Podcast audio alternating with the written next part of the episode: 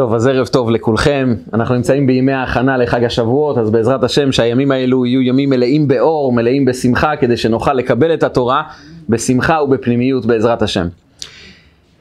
מספרים על סבתא אחת, שמאוד מאוד התגעגעה לנכד שלה. יש לה נכד אחד, קוראים לו יוסי, שהוא נכד חכם גדול.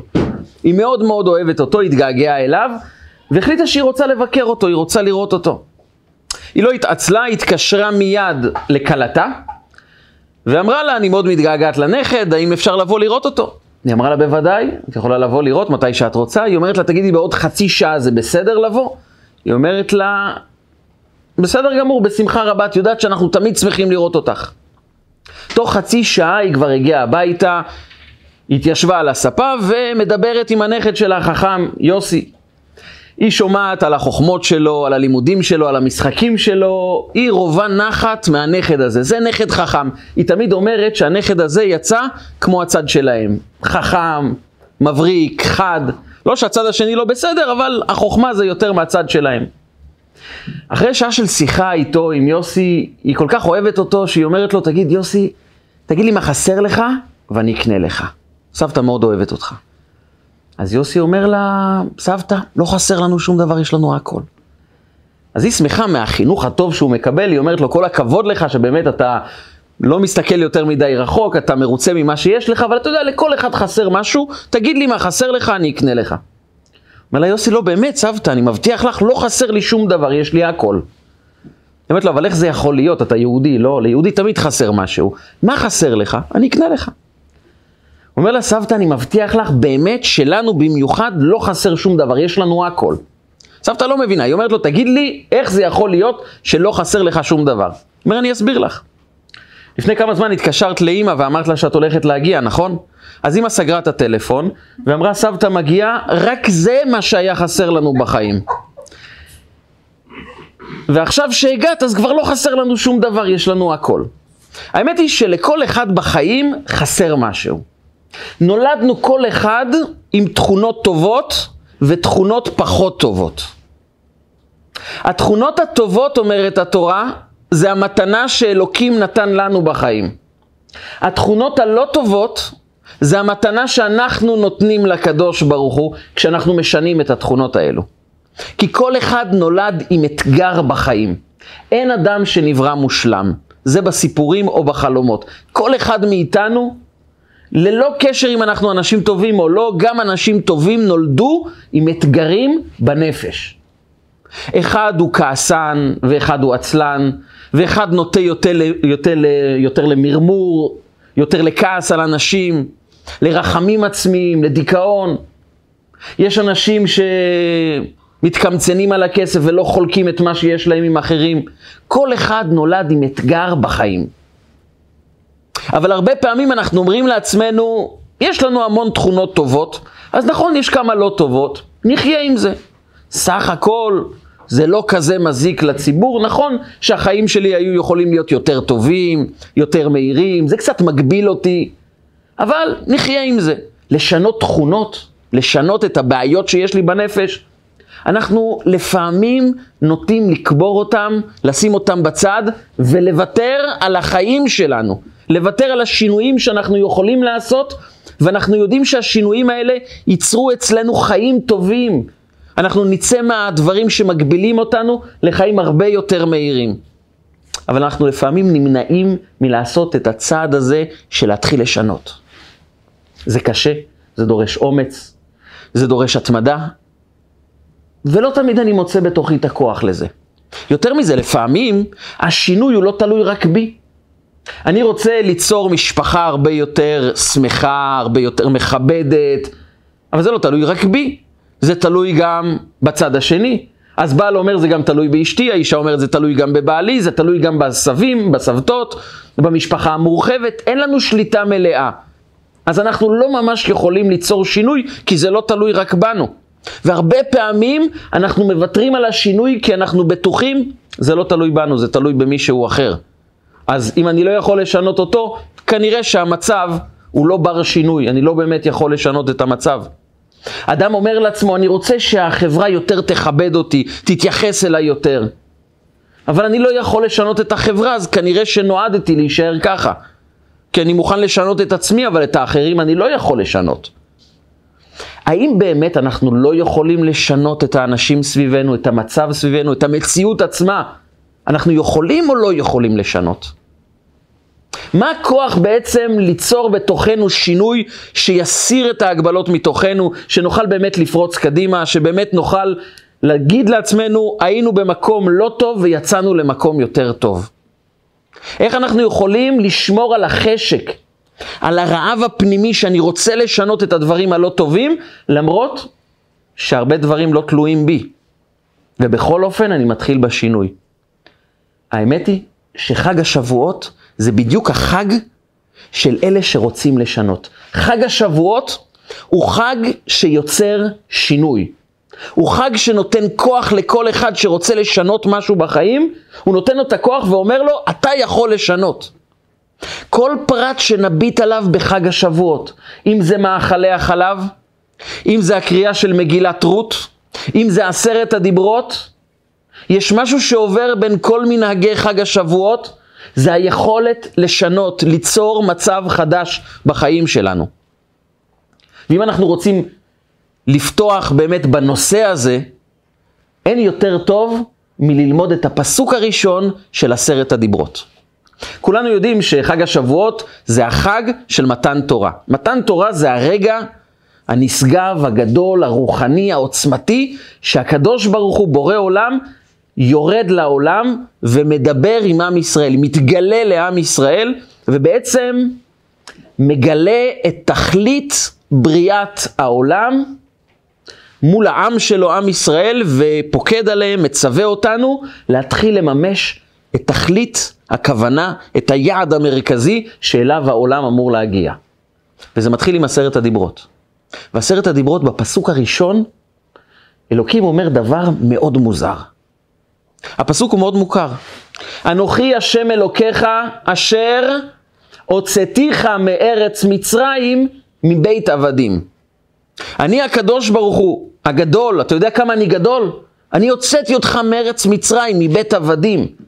אז לכן, אל תעבוד עבודה זרה, לא לרצוח, לא לגנוב, לכבד את ההורים, להתייחס בכבוד לשמו של הקדוש ברוך הוא. בקיצור, עשרת הדיברות מבוססות על הגדולה של הקדוש ברוך הוא, שמהי הגדולה שלו?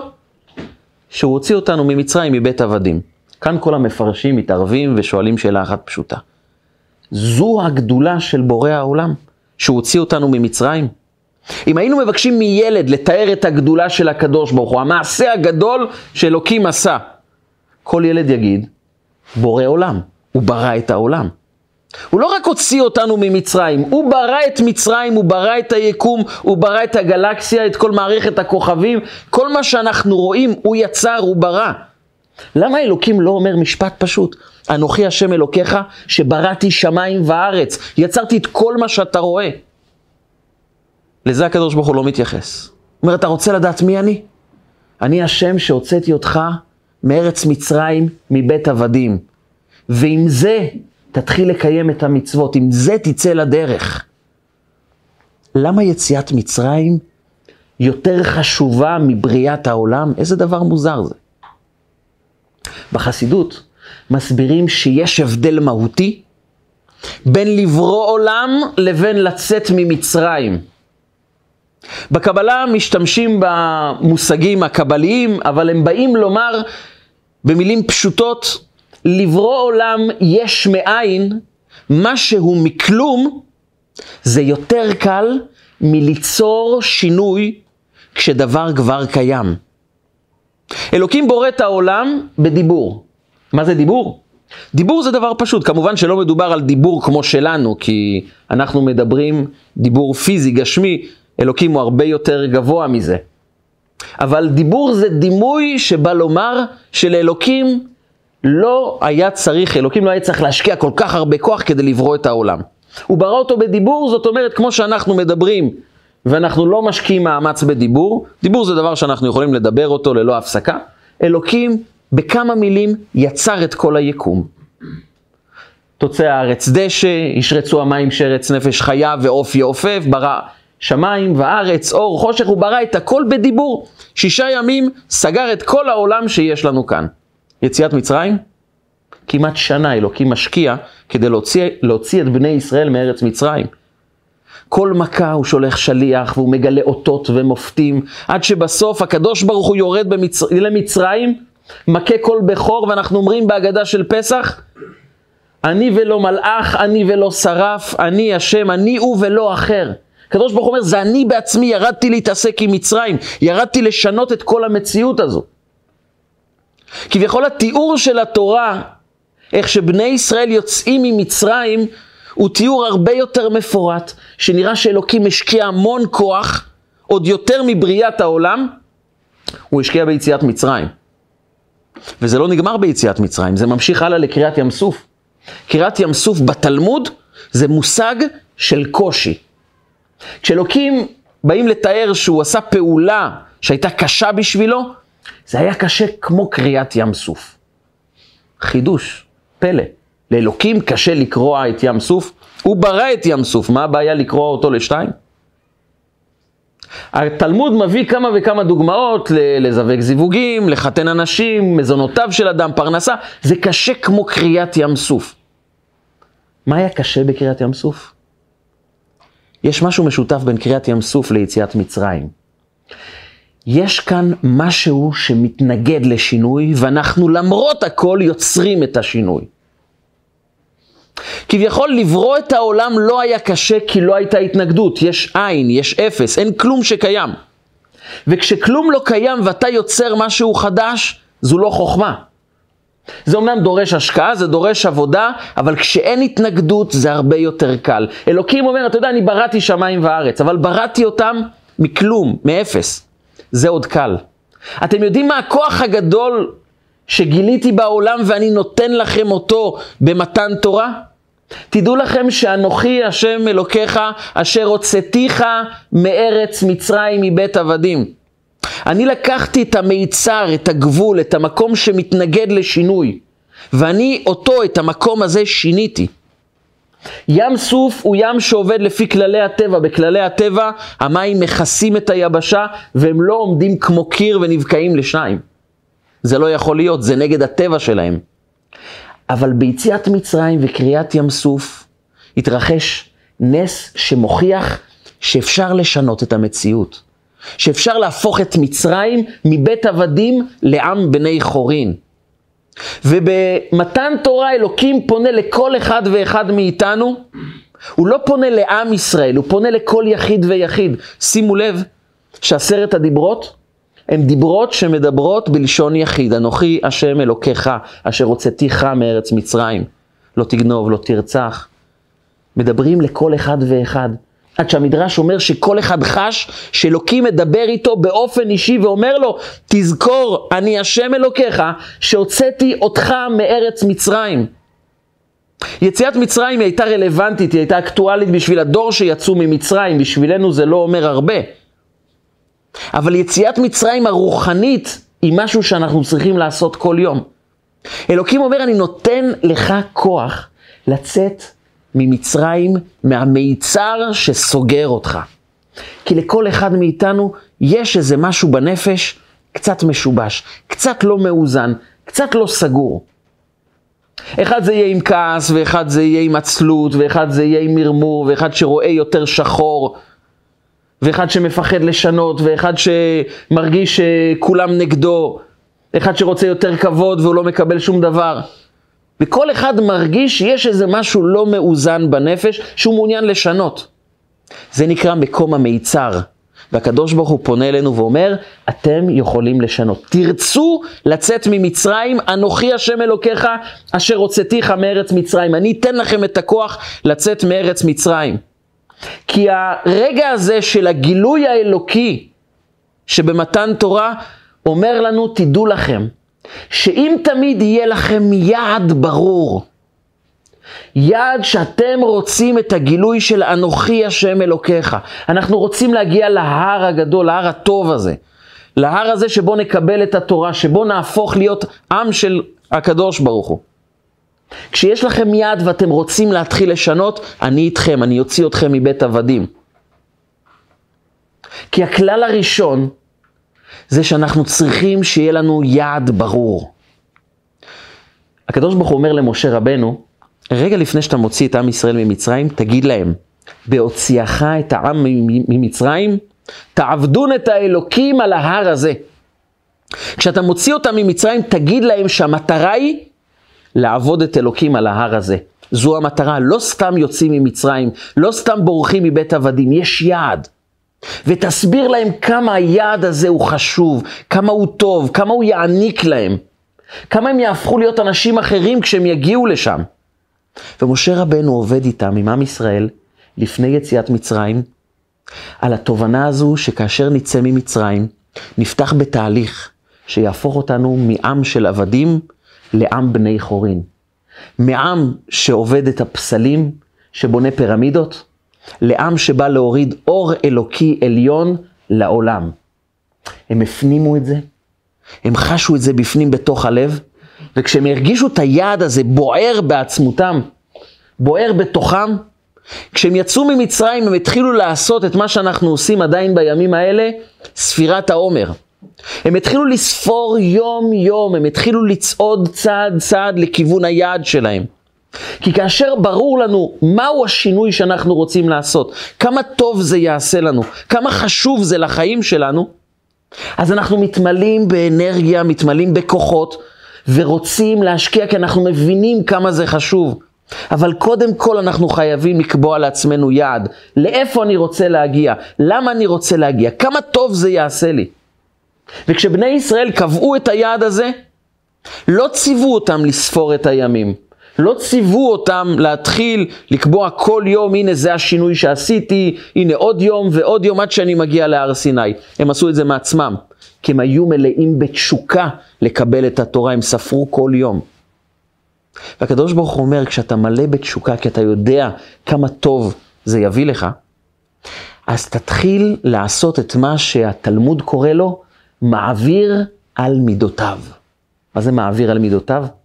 זה בעצם משפט שלקוח מסיפור מאוד מעניין שקרה בתקופת התנאים בארץ ישראל. הסיפור הזה מובא במסכת תענית. מסכת תענית זו מסכת שמדברת על מצב של עצירת גשמים. לא יורדים גשמים בארץ ישראל, אנחנו יודעים שגם בתקופה כמו שלנו זה מצב מאוד קשה, מאוד לא טוב, לחקלאות, למים.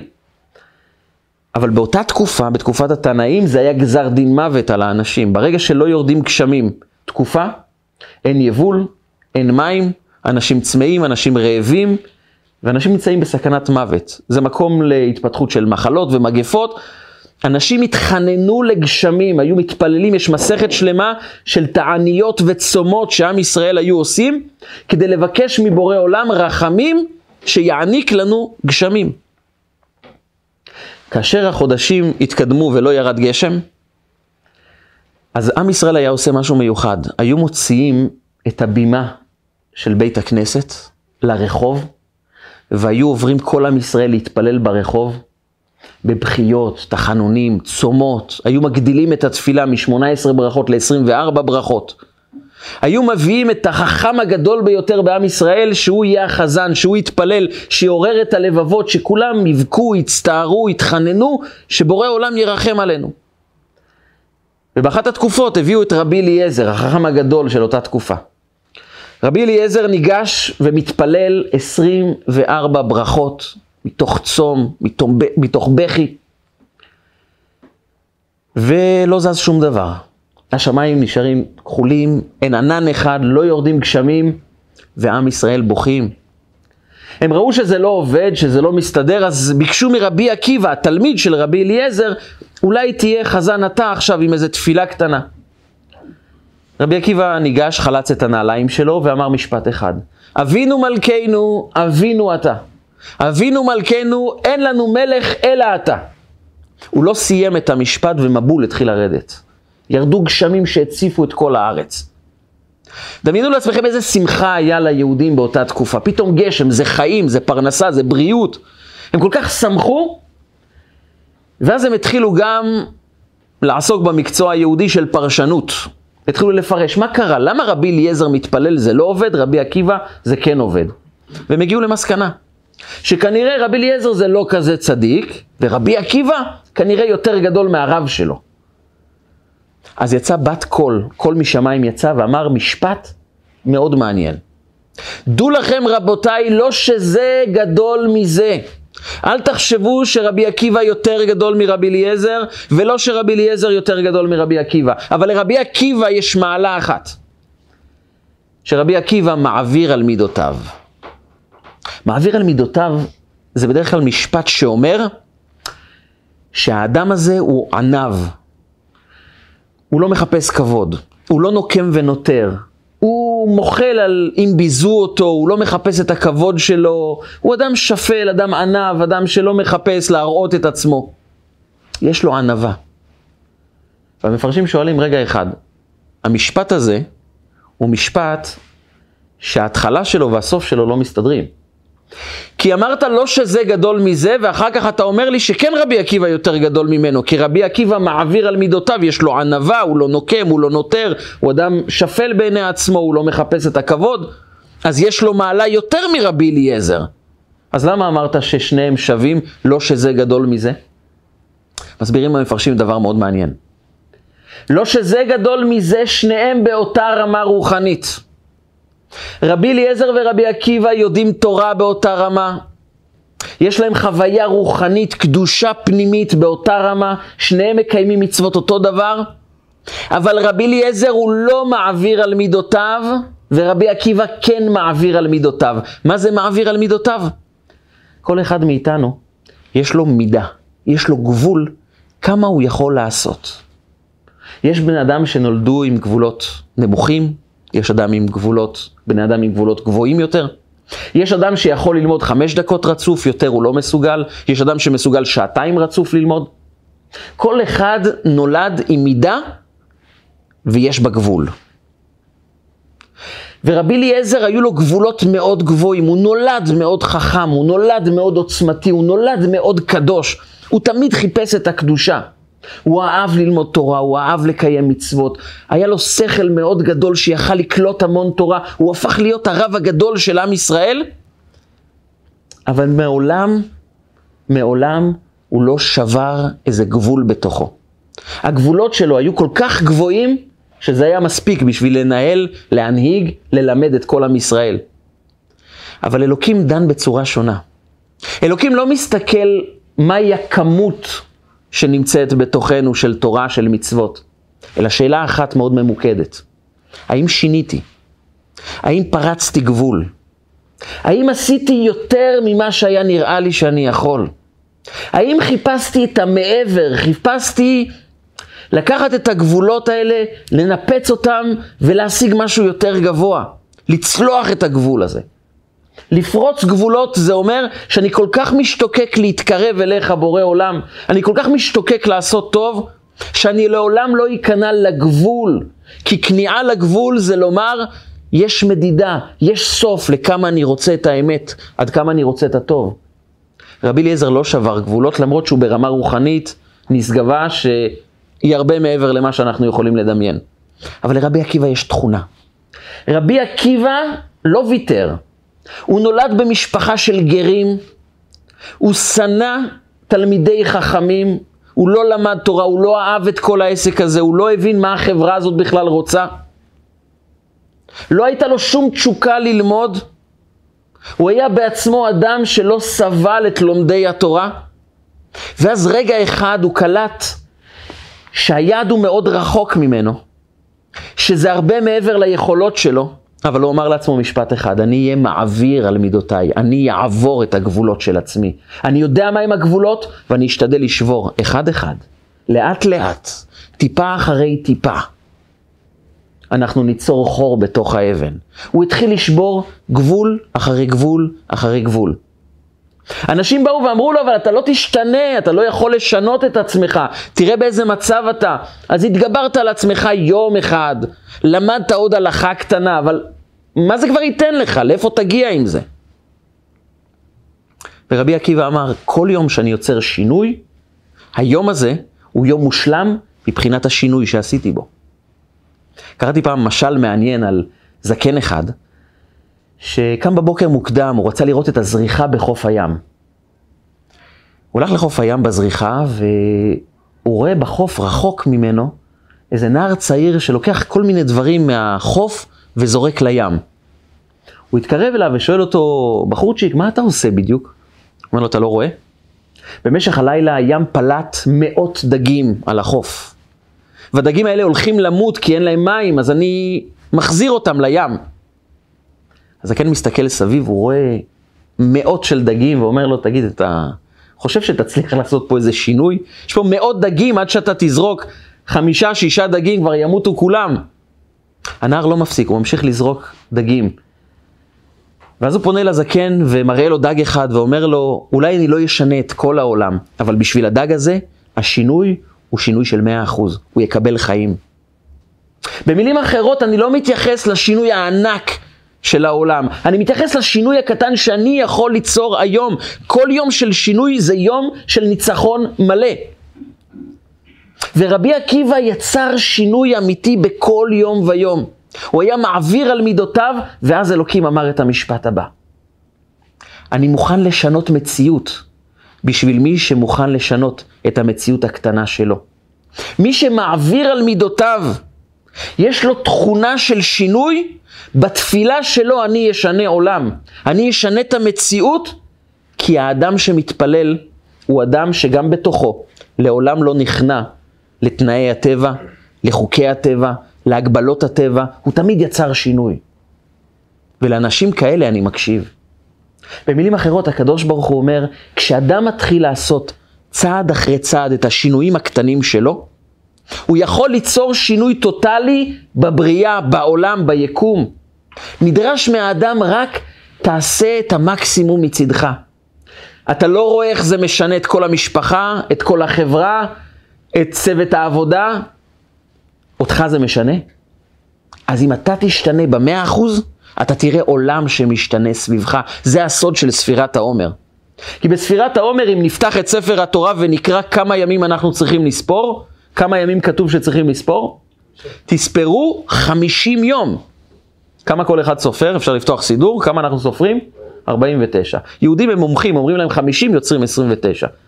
אומרים להם 40 מלכות, יוצרים 39. הם תמיד מורידים אחד, הם עושים לעצמם הנחה. מה הסיפור? אמרו לכם 50 יום לספור, למה אנחנו סופרים 49? וכאן אותה נקודה מסתתרת גם בספירת העומר. אומר אלוקים, הספרה 50, נון, זה מרמז על 50 שערי בינה. שער החמישים זה השער הגבוה ביותר. זה גילוי אור אלוקי שמעבר לתפיסה של בני אנוש.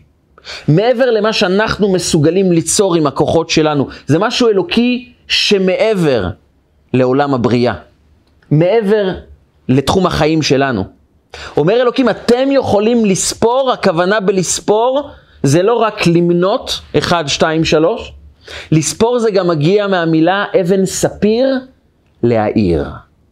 ספירת העומר, אנחנו באים לא רק לספור את הימים, אנחנו באים להפוך את העומר, שעומר זה שעורים, שזה מאכל של בהמות, להעיר אותם. כי בכל אחד מאיתנו יש חלק בהמי, חלק לא מרוסן, חלק לא מאוזן, חלק שדורש תיקון, ואנחנו באים לספור את העומר מלשון אבן ספיר, להעיר את החלקים הבהמיים הלא טובים שבתוכנו. אומר הקדוש ברוך הוא, אם אתם תספרו 49 יום, מבחינתי, אתם הארתם גם את היום החמישים. גם את שער הנון, את שער החמישים של הבינה, הדרגה הגבוהה כל כך, שמעבר ליכולות שלכם, זה יגיע בזכותכם. אתם יודעים למה?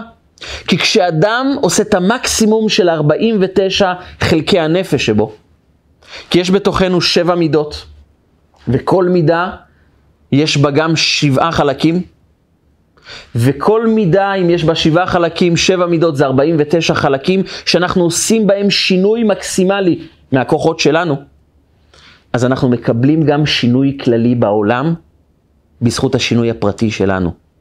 צעד קטן של האדם, זה צעד גדול לשינוי העולם. זה החידוש שהקדוש ברוך הוא אומר לנו בחג השבועות. כשאתה משתנה קצת בחיים שלך, אבל אתה עושה את זה כי זה מה שאתה יכול עכשיו כפריצת הגבולות שלך, אתה יוצר שינוי שגם העולם משתנה. בעצם נדרש מאיתנו, דבר ראשון, לקבוע יעד, לשם אני רוצה להגיע. אני מבין כמה זה חשוב, אני מבין כמה זה יתרום לי לחיים, כמה זה ישנה את מציאות החיים שלי. אני ממקד את כל האנרגיות בשינוי. יש לי תוכנית ברורה של 49 יום, שאני סופר כל אחד ואחד. אני מאיר כל יום ויום. ואז אלוקים אומר, אתה משנה את עצמך, אתה תראה שהעולם גם משתנה. אם אדם עושה את המקסימום מצידו להיות הגרסה הכי טובה של עצמו, הוא מנסה לשנות את התכונות הלא טובות והוא נלחם, הוא משקיע יום יום, יש לו תוכנית עבודה, יש לו יעד, הוא עובד יום יום. הוא יתחיל לראות שגם שינויים שלא תלויים בו מתחילים להתרחש, העולם מתחיל להשתנות. זה היה הסיפור של קריאת ים סוף.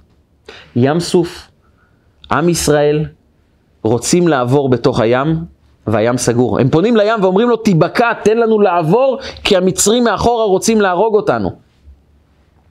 וים סוף אומר להם, תקשיבו, אני, יש לי תפקיד, אני, יש לי חוקים. החוק אומר שים הוא סגור, הוא מכסה את היבשה, אני לא יכול להיבקע לשניים. עם ישראל מתחננים, אבל הוא אומר להם, זה החוקים, זה הטבע, אני לא יכול לשנות את הטבע שלי. ואז קורה דבר מאוד מעניין שאנחנו מזכירים אותו בהלל. הים ראה וינוס. הים ראה משהו והוא נס. הוא התפצל לשתיים, הוא נבקע ועם ישראל עברו בתוך הים ביבשה. מה הוא ראה הים? אומר המדרש, ראה ארונו של יוסף. עם ישראל סחבו איתם את הארון של יוסף הצדיק, וכשהים ראה את ארונו של יוסף, הוא אמר, אני נבקע לשניים. למה? כי היה עוד וינוס אחד. לפני שהים ראה וינוס, היה עוד וינוס אחד בחומש. זה בחומש בראשית. יוסף, הנער הבזוי, שהאחים שונאים אותו, שאימא שלו נפטרה שהוא היה ילד קטן, נזרק למצרים, והוא ניצב בפני הפיתוי של אשת פוטיפר, ואף אחד לא רואה אותו. יש לו את כל הצידוק הפנימי לחטוא, הוא יכול להגיד, כולם שונאים אותי, לאף אחד לא אכפת ממני, אלוקים שכח ממני, האחים זרקו אותי למצרים, לאף אחד אני לא מפריע, לאף אחד אני לא חסר, ותלך תחתוא. אבל מה שהוא עשה, זה ויעזוב בגדו אצלו, ואצלה, וינוס החוצה. הוא נס החוצה, הוא התגבר על הטבע שלו. הוא לא חיפש רחמים עצמיים, הוא לא חיפש צידוק להיכנע ליצרים השפלים שלו. הוא לא חיפש ליפול ולהגיד, מה, מותר לי ליפול, מגיע לי ליפול. אני לא חייב כלום לאף אחד, לאף אחד לא אכפת ממני, אני נופל, אני נשבר, מותר לי. יוסף אמר, אני לא נכנע למציאות, אני יותר חזק מהמציאות. הוא שבר את הטבע שלו כי הוא אמר לעצמו, אני לא אתן לטבע הרע לשלוט עליי, אני אתגבר. מי יראה את זה? כמה טוב זה יעשה? הוא לא ראה שזה עשה טוב, הפוך, זה עשה רק רע. הוא נזרק לשנים ארוכות לכלא. למה? התגברת על הטבע שלך. ומה הרווחת? הרווחת רק צרות וייסורים. יוסף ידע, כשאני מתגבר על הטבע שלי, כשברור לי שהיעד הוא להיות יותר חזק מהיצרים, מהמגבלות, מהמצרים שבתוכי, בסוף היעד יגיע להיות יעד טוב. בסוף אני אגיע לממש את הדרך שאני רוצה ללכת בה כדי להגיע למטרה, ליעד הסופי שלי. וכשים סוף ראה את ארונו של יוסף, פתאום הפעולה הקטנה הזו, שאף אחד לא ראה, שגרמה לו רק צרות וייסורים, שאף אחד לא טפח לו על השכם ואמר לו, כל הכבוד, אתה בן אדם טוב. אבל הפעולה הקטנה הזו, פתאום הפכה להיות הפעולה שמשנה חיים של עם שלם. שיוצרת שינוי כללי בבריאה ובוקעת את ים סוף, וים סוף הופך להיות יבשה, חומה מימינם ומשמאלם, ועם שלם עובר וזוכר שבזכות ארונו של יוסף, שעשה שינוי קטן, אבל הכי טוב שהוא יכל לעשות באותו רגע, מבחינתו זה היה הקרבה ענקית. ההקרבה האישית שלו שינתה חיים של עם שלם. וזה בעצם מה שהקדוש ברוך הוא מבקש מאיתנו. השינוי הקטן שלנו, לדעת את היעד, להתמקד בו, לקחת את כל הכוחות שלנו וליצור שינוי של יום אחרי יום בתוכנית מסודרת, עם יעד ברור. ושאנחנו עושים את המקסימום שלנו, אז אנחנו צריכים גם להאמין ולדעת שאנוכי השם אלוקיך, אשר הוצאתיך מארץ מצרים, מבית עבדים. אני פה כדי לעזור לך לצאת ממצרים. אתה רואה את הרגע הזה של, של מתן תורה? אחרי שעברת את קריעת ים סוף, יציאת מצרים, את כל התהליך של לכתך אחריי במדבר בארץ לא זרועה, בחוסר ודאות, עם המון השקעה, עם המון כאב, אבל השתדלת, עשית. הקדוש ברוך הוא פונה לכל אחד בלשון יחיד ואומר לו, תדע לך תמיד, אנוכי השם אלוקיך, אשר הוצאתיך מארץ מצרים, מבית עבדים. אני תמיד אתן לך את הכוחות לצאת ממצרים. זו הבשורה של חג השבועות. וזה בעצם הסיבה, זו בעצם הסיבה שאנחנו קוראים בחג השבועות את מגילת רות. מה זה מגילת רות? מגילת רות בעצם לא קשורה לחג השבועות, אין שום קשר בין מתן תורה לסיפור של רות. מה הסיפור של רות? בימי השופטים היה אדם בשם אלימלך שחי עם אשתו נעמי, להם שני בנים, מחלון וכיליון, והם בזמן הרעב עזבו את ארץ ישראל, דבר שלא היה יפה, כי מנהיג לא עוזב את העם בשעת צרה, והם עברו למואב. לא רק שעברו למואב, שני הבנים מתחתנים עם שני גוי, שתי גויות, רות ועורפה, הבנות של מלך מואב, עגלון, ונשארים שם עד שאלימלך נפטר, שני הבנים שלו נפטרים, נעמי נשארת לבד עם שתי הכלות שלה, עורפה ורות, והיא אומרת להם, תישארו כאן, אני חוזרת לארץ ישראל, אין לי כסף, אין לי משפחה, אני כבר שבורה, אתם תתחילו את החיים שלכם מחדש, אתם עוד צעירות. שניהן הולכות, שניהן הולכות איתה, עורפה בסוף עוזבת, ורות דבקה בה, רות ממשיכה. רות הזו, בסופו של תהליך, תהפוך להיות הסבתא של דוד המלך. דוד המלך נפטר בחג השבועות. כיוון שהוא נפטר בחג השבועות, אנחנו מזכירים את סבתא שלו רות. אבל זה עדיין לא מובן. למה צריכים להזכיר את הסבתא מתי שהנכד נפטר? נפטר? מה זה שייך? מה, מה הסיפור של רות עוזר לנו לחג השבועות? למרות שדוד המלך הוא באמת אה, מלך מאוד משמעותי, ואומרים עליו דוד מלך ישראל חי וקיים, ממנו יבוא מלך המשיח, אבל למה צריכים להזכיר את הסבתא שלו רות? באים להזכיר לנו דבר אחד, הייתה אישה שרצתה ליצור שינוי, והיא לא ידעה מה יקרה איתה, כי על פי כל כללי הטבע, היא הייתה אמורה להגיע לעם ישראל ואף אחד לא היה מתייחס אליה, כי העם המואבי זה לא עם מועדף על עם ישראל. יותר מזה, את הגברים בכלל אסור לנו לקבל כגרים. מואבים, כתוב עליהם, לא יבוא עמוני ומואבי בקהל השם, אסור לנו לקבל גרים ממואבים. המואביות כן מותר לקבל אותם, אבל זה לא עם שיוצר תחושה טובה בעם ישראל. אף אחד לא התייחס אליה. הגיעה ענייה, אף אחד לא מסתכל עליה, והיא דבקה ביעד. היא בחרה לחיות חיים יהודיים של משמעות. כמה זה עולה לה? הכל. היא יכולה להיות בת מלכים במואב, היא עזבה את הכל, והיא מלקטת שעורים חיטים מתוך השדה כמו הענייה הכי שפלה. ובסופו של דבר היא מתחתנת עם בועז, שהוא אחד המנהיגים בעם ישראל, ונולד לה עובד, ואחר כך הנכד ישי, ועד שנולד דוד המלך. וזה מזכירים לנו בחג השבועות.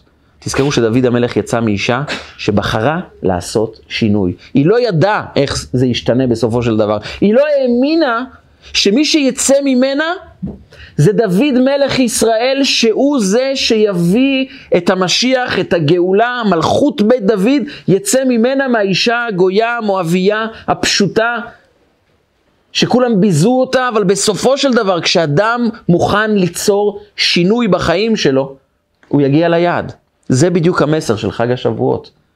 זה חג לאנשים שרוצים להשתנות. זה חג שלא פונה לאנשים שיש להם רק חלקים טובים ומהירים, מלאכים כאלה.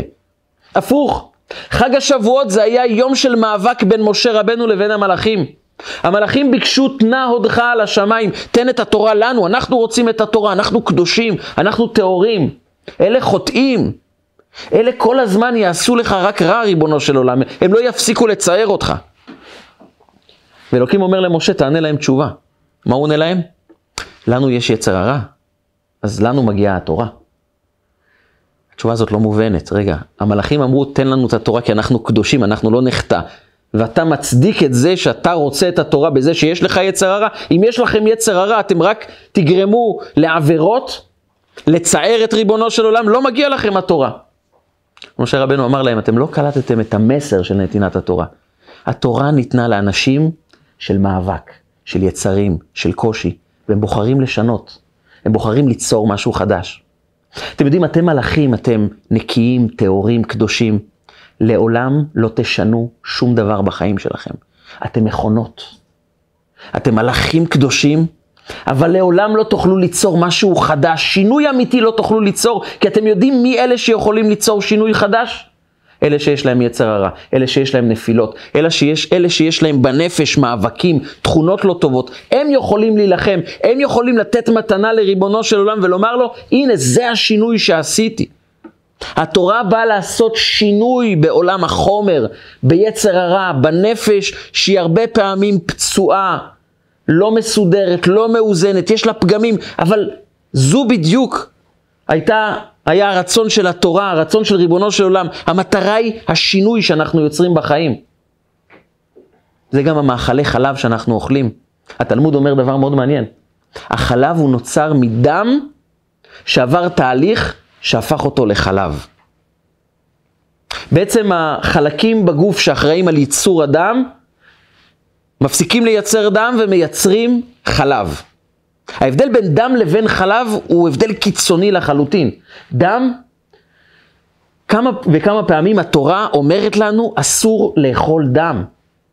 זה עבירה מאוד חמורה שהתורה מזהירה ממנה. דם זה אדום, דם זה מסמל את הטומאה, את הרע, את השפיכות דמים. חלב? חלב זה מסמל את הטהרה, את הלבן, את הטוב שיש. ארץ ישראל, התיאור הכל כך יפה של ארץ ישראל הוא ארץ זבת חלב ודבש. החלב הוא מסמל את ארץ ישראל כי החלב הוא חסד, הוא טוב. אבל ממה הוא טוב? כי הוא השתנה. הוא הפך מדם לחלב. המהפך הזה, זה הסוד של חג השבועות. ולכן אנחנו אוכלים מאכלי חלב כדי להזכיר לעצמנו שגם מישהו שהוא במצב של דם, יכול להגיע להיות חלב. הנה החלב הטעים שאנחנו שותים, הגבינה המתוקה ועוגות הגבינה וכל הדברים הטובים החלביים שאוכלים בחג השבועות, זה הוכחה ששינוי הוא אפשרי ואפשר להפוך דם אדום לחלב לבן וטעים וכשר. למה? כי שינוי הוא אפשרי. וכאשר אנחנו לוקחים גם את מאכלי החלב, את המגילה של רות ואת מתן תורה, אנחנו זוכרים משפט אחד שאמור להצעיד אותנו לדרך חדשה. אנוכי השם אלוקיך, אשר הוצאתיך מארץ מצרים מבית עבדים. אני נותן לך את הכוח להפסיק להיות עבד של היצרים, להפסיק להיות עבד לדברים ששמים אותנו במיצר, שמשאירים אותנו במקום הלא טוב, ואלוקים אומר לנו, תזכרו שאני נותן לכם כוח, יש אפשרות לשנות. יעד ברור, להבין למה אני כל כך רוצה את היעד, להתמסר אליו. וכאשר אני עובד בתוכנית מסודרת של 49 יום, כל יום אני עושה את הפעולות שלי, את השינוי שלי אני עושה במקסימום, אז הקדוש ברוך הוא משנה גם את המציאות מסביבנו. הוא יוצר לנו את האפשרות המושלמת שגם העולם יצטרף לשינוי הגדול שאנחנו עושים. אני רוצה ברשותכם לסיים עם מדרש, שמדבר על פסוק שאנחנו אומרים בהלל בראש חודש. אנחנו אומרים משפט אה, קצת מוזר, מעניין. אבן מעשו הבונים הייתה לראש פינה. אבן מעשו הבונים הייתה לראש פינה, מה בדיוק מתרחש שם? מספר המדרש, שכשבני ישראל בנו את בית המקדש, הם חיפשו אבנים ישרות מסוטטות, כי אסור לבנות את בית המקדש עם כלי ברזל, עם סכינים, עם גרזנים שחוצבים את האבנים. כי את בית המקדש בונים רק בצורה מסודרת, בלי כלים שגם משתמשים בהם למלחמות. הם חיפשו רק אבנים ישרות, ובתוך כל האבנים הסתתרה אבן לא ישרה, אבן קצת עקומה. לא ממש מרובעת, קצת משולש כזה, בין משולש למרובע, קצת פצועה. לא ישרה, לא מאוזנת. וכל אחד מהבונים שראה את האבן הזאת, מה עשה לה? זרק אותה הצידה, כי אני לא יכול לבנות את בית המקדש, כי האבן לא ישרה, אנחנו צריכים אבנים ישרות. אבן מעשו הבונים. הבונים זרקו את האבן, לא רצו אותה. אמרו לי, יש לך חיסרון, תלכי הצידה. ואז יום אחד בבדיקה שגרתית של בית המקדש מצאו שבקודש הקודשים נהיה חור בקיר. וחור, כאשר נפרץ חור בקיר, הוא לא חור מסודר בצורה ישרה. ושוב, אנחנו צריכים עכשיו לקחת אבן שמתאימה בדיוק לחור הזה, אבל החור הוא לא ישר ויש לנו רק אבנים ישרות. ופתאום הם נזכרו שהייתה אבן שכולם זרקו, ואולי היא מתאימה בדיוק לחור הזה. הם חיפשו את האבן, מצאו אותה, ניסו לחבר אותה, והיא התאימה בדיוק לפינה של קודש הקודשים שנשברה. ועל האבן הזאת נאמר, אבן מעשו הבונים הייתה לראש פינה. כי בחיים שלנו יש לנו את האבנים הישרות, את המידות הטובות שלנו, את התכונות החיוביות, וכל אחד קיבל מתנה. אבן אחת שבורה, אבן לא טובה. אבן שאנחנו אומרים לעצמנו, מה יש לנו לעשות איתה? אנחנו זורקים אותה הצידה כי, כי היא רק מפריעה לנו. ובאה התורה ואומרת לנו, תדעו לכם שאבן מעשו הבונים, היא תהיה לראש פינה. זה שער הכניסה שלנו לקודש הקודשים שלנו. כי הדבר הפגום שאותו אנחנו משנים, כאן אנחנו יוצרים את קודש הקודשים של החיים שלנו. כאן אנחנו יוצרים את השינוי האמיתי. כאן אנחנו יוצרים דבר אמיתי, נכון, את המתנה לבורא עולם, שהנה, שינינו משהו, בזה אנחנו יותר טובים מהמלאכים. במקום לחפש אנשים שהם מלאכים, בואו נחפש להיות אנשים שנלחמים עבור הקדושה, ואנשי קודש תהיו לי. הוא מבקש ביחד עם הפגמים, ביחד עם הפגמים, תשנו אותם, תתקדמו. ואז אתם תיכנסו לקודש הקודשים שלכם,